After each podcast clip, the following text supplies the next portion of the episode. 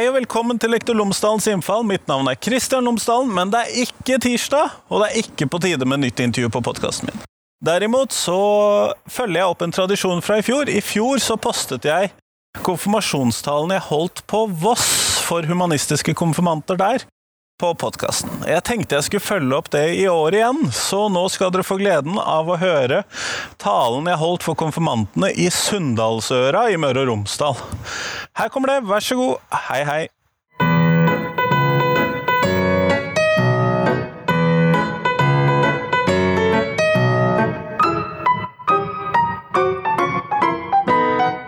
Kjære konfirmanter.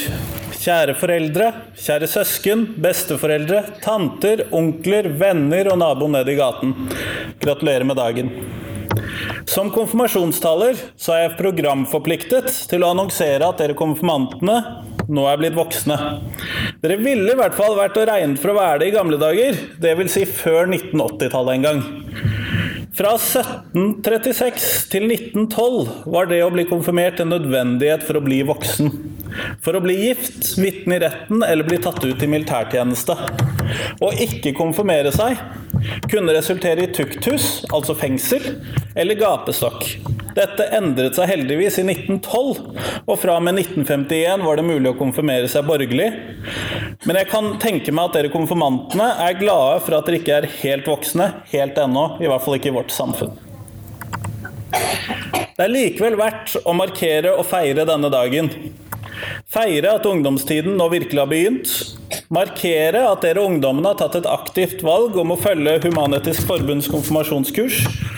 Markere at dere har gjennomført et kurs i livssyn, etikk, kritisk tenkning, menneskerettigheter, og forhåpentligvis reflektert mye rundt disse temaene. I tillegg vil, er det viktig at vi kan feire at ungdommen er de som om noen år skal overta verden, med de forbedringene det gir mulighet for. Så vanskelig som verden er, så kan jeg også tenke meg at dere er glade for å kunne drøye litt med den oppgaven. Egentlig så tror jeg at foreldrene som sitter i salen, er litt misunnelige på konfirmantene som sitter oppe på scenen i dag. Dere konfirmantene har fått deltatt på et interessant kurs om en rekke tema som ikke har klare og konkrete svar. Med gode muligheter for undring, samtale og refleksjon. Det har vært en rekke kurskvelder hvor dere har fått lære om bl.a. humanisme, kritisk tenkning, etikk og menneskerettigheter. Et kurs som har et formål om å skape selvstendig tenkning og etisk handling gjennom å styrke evnen og viljen til refleksjon, til å stille kritiske spørsmål og ønske om å ta ansvar for seg selv og for andre. For som den amerikanske borgerrettighetsforkjemperen Corliss Lamont sa Humanism involves far more than the negation of supernaturalism.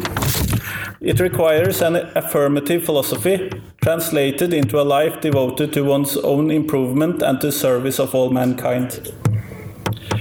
Det har blitt sagt at alt som eksisterer før jeg er født, er naturlig, uforanderlig, og at alt som ble oppfunnet fram til jeg ble 30, er fantastisk, progressivt og moderne, men alt som ble oppfunnet etter dette, er unaturlig, negativt og uønsket.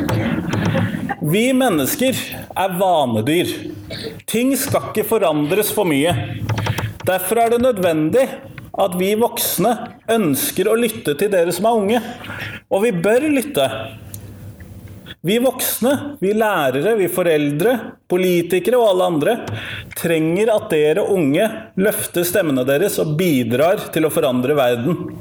Vi trenger at dere løfter stemmene deres for å holde oss voksne i tømmene, slik at vi ikke ødelegger for mye av arvesølvet før dere skal overta det. For som Malala Yousufzai sier If you don't focus on the future generations, it means you're destroying your country. Dette er med på å gjøre temaene som gjennomgås som en del av den humanistiske konfirmasjonen, så viktige for alle.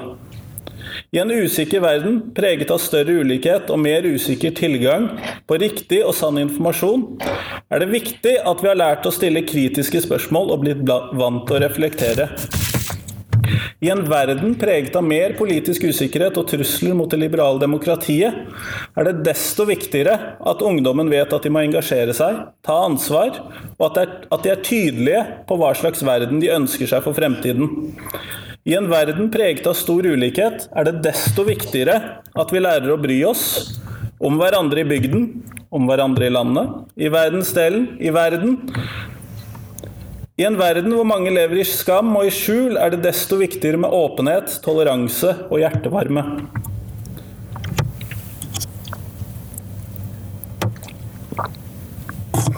I salen her sitter det mange besteforeldre, og sikkert noen oldeforeldre også, men det er vanskelig for meg å avgjøre. Verden har forandret seg mye siden de ble født, og den har forandret seg mye siden foreldrene deres ble født. Kanskje var de selv med på å forandre verden. Til å gjøre den til et mer aksepterende sted å leve for hun som havnet i ulykka, for han som var forelsket i bestekameraten sin, eller for hun som egentlig hadde lyst til å bli ingeniør, selv om alle sa at det bare var for gutta. Vi må ta den arven videre. Jobbe for at det skal bli lettere å være en del av fellesskapet, også for alle de som i dag skiller seg ut, eller som blir plassert utenfor fellesskapet. Dette arbeidet er ikke ferdig. Vi vet at i dag fremdeles er en del som ikke er en del av et fellesskap. Samtid sammen så må vi ta ansvar for at alle skal føle seg som en del av et fellesskap. Blant venner, i idrettslag, på fritidsklubber, i en klasse eller i speideren. Rosa Parks fortalte oss at each person must live their life as a model for others. Det er det krevende med å være i live. Enten vi går gjennom livet med få mennesker rundt oss, eller i store menneskemengder. Enten vi primært sett lever som en del av en familie, på en arbeidsplass eller i en forening. Eller som en del av flere eller alle disse gruppene. Vi må uansett ta ansvar for at verden blir et best mulig sted å leve for oss selv og for våre medmennesker. Dette kan kreve at vi klarer å være prinsippfaste, at vi setter menneskets verd som vårt skjold mot urettferdighet, at vi som borgere i en nasjon og som en del av en stor verden krever likebehandling, likeverd og likestilling. På tvers av alt det som skiller oss fra hverandre, og det er nettopp derfor menneskerettighetene er så viktige. Derfor må vi ta dem alvorlige, og vi må hente dem frem før vi bestemmer oss for hvilket standpunkt vi skal være enige med i politiske spørsmål. Og det kan av og til bety at vi må ta valg som kanskje ikke er de letteste valgene å ta, nettopp for å beskytte enkeltmenneskers menneskerettigheter. Det er nok av problemer å ta av, men når jeg ser dagens unge, så kjenner jeg på en stor og ukuelig optimisme for fremtiden. Jeg tror at dere som nå er unge, kan gjøre mye for å forbedre det som i dag kan oppleves som skummelt og farlig. Når Platon var bekymret for hva de unge kunne finne på, og deres mangel på danning og utdanning, så er jeg av en helt annen oppfatning. Jeg tror dere unge egentlig er altfor ordentlige, altfor gjennomtenkte, og stort sett altfor fornuftige. Dette kan da bli redningen for oss alle, i hvert fall om vi ser litt inn i fremtiden, til når dere skal styre Norge og verden. Utfordringene er mange, for voksengenerasjonen etterlater seg et samfunn som trenger nye svar på nye spørsmål, nye løsninger på gamle problemstillinger, og løsninger på både konflikter og urettferdigheter. Jeg har tidligere understreket behov for å ta vare på hverandre, bry seg om hverandre. Enten det er i familien, i nabolaget, i Norge eller i verden. Ulikhet og utenforskap skaper vold, det skaper radikalisering og det skaper farlige situasjoner. Et afrikansk ordspråk sier If a child is not initiated into the village, it will burn it down just to feel it warmth. Inkludering, omsorg og empati er med andre ord ikke bare viktig for å sørge for at vi alle har det bedre, det er viktig nok i seg selv, men det bidrar også til at færre blir mobbet, at færre føler seg ensomme, og det handler om at vår alles trygghet.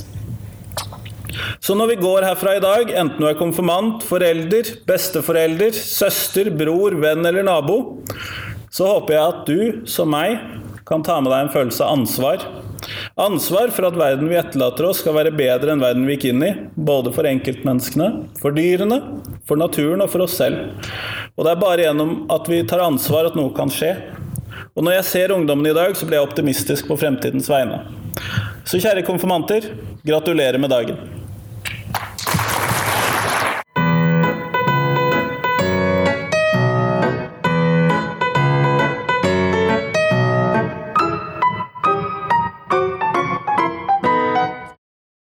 Tusen takk for tålmodigheten. Jeg liker jo å bidra med litt med å vise fram hva det er jeg driver med ellers utenom selve podkasten og da er disse konfirmasjonstallene en del av dette. Samtidig så føler jeg at eh, innholdet eller budskapet i konfirmasjonstalene er relativt overførbart innover mot skolen, særlig med tanke på tematikken som var på talen. Men nå er det ikke så mange dagene igjen til det er en vanlig episode på podkasten, et vanlig intervju, så da får du glede deg til det. Hei, hei!